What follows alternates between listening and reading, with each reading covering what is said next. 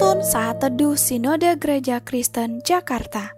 Senin 22 Maret 2021 Judul Renungan Iman Rahab.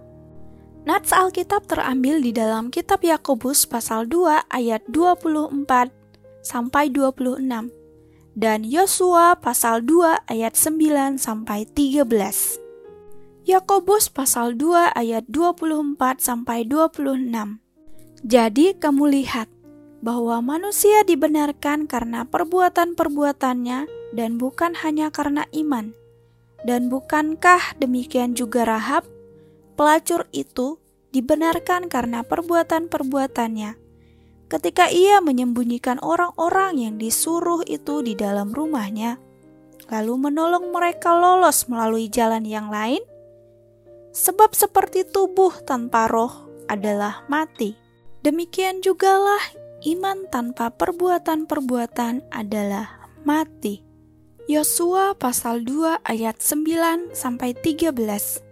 Dan berkata kepada orang-orang itu, Aku tahu bahwa Tuhan telah memberikan negeri ini kepada kamu dan bahwa kengerian terhadap kamu telah menghinggapi kami dan segala penduduk negeri ini gemetar menghadapi kamu. Sebab kami mendengar bahwa Tuhan telah mengeringkan air laut teberau di depan kamu ketika kamu berjalan keluar dari Mesir, dan apa yang kamu lakukan kepada kedua raja orang Amori yang di seberang sungai Yordan itu, yakni kepada Sihon dan Ok, yang telah kamu tumpas. Ketika kami mendengar itu, tawarlah hati kami dan jatuhlah semangat setiap orang menghadapi kamu, sebab Tuhan Allahmu ialah Allah di langit, di atas, dan di bumi, di bawah.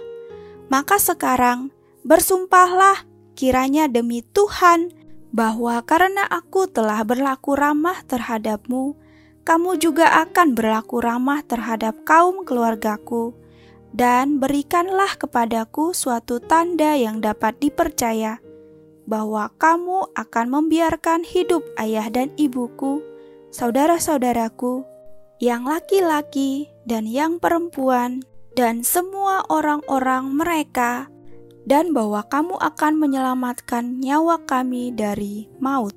Pada waktu tembok Yeriko dirobohkan dan semua orang di dalamnya dimusnahkan, ada satu keluarga yang diselamatkan, yaitu keluarga Rahab.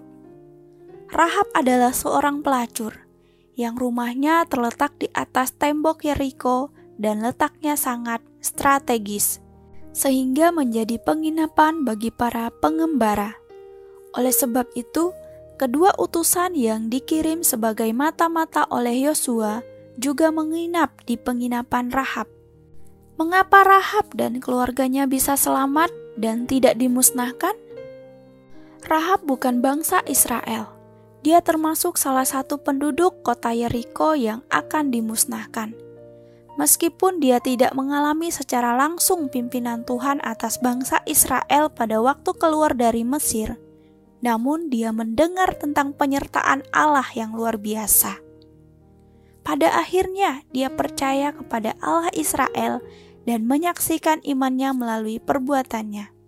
Hal ini terlihat pada waktu dia menyembunyikan kedua utusan bangsa Israel dan rela mengambil resiko mati jika ketahuan oleh Raja Yeriko.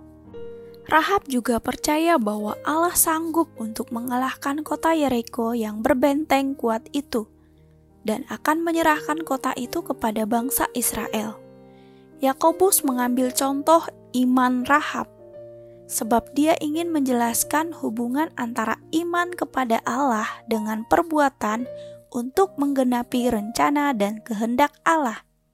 Ketika kita beriman, iman tidak hanya berhenti pada iman yang statis, bahkan mati, tetapi iman itu adalah iman yang hidup.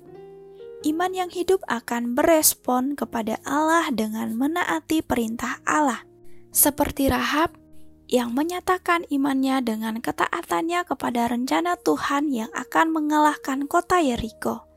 Demikianlah kita sebagai orang Kristen juga menyatakan iman kita melalui perbuatan-perbuatan yang menaati perintah Tuhan. Jika kita berkata kita beriman kepada Allah, maka itu harus ditunjukkan dalam ketaatan kita kepada perintahnya. Kita bisa saja mengatakan percaya kepada Allah yang berkuasa, namun pada kenyataannya kita enggan bahkan tidak mau tunduk dan menyerahkan diri secara total untuk dikendalikannya. Oleh sebab itu, belajarlah dari iman Rahab yang tunduk dan menyerahkan seluruh hidupnya dan keluarganya ke dalam tangan Allah yang menyelamatkannya. Perjalanan iman yang sejati adalah kita percaya Allah memimpin kita, walaupun kita tidak melihat tangannya. Amin. Tuhan Yesus memberkati.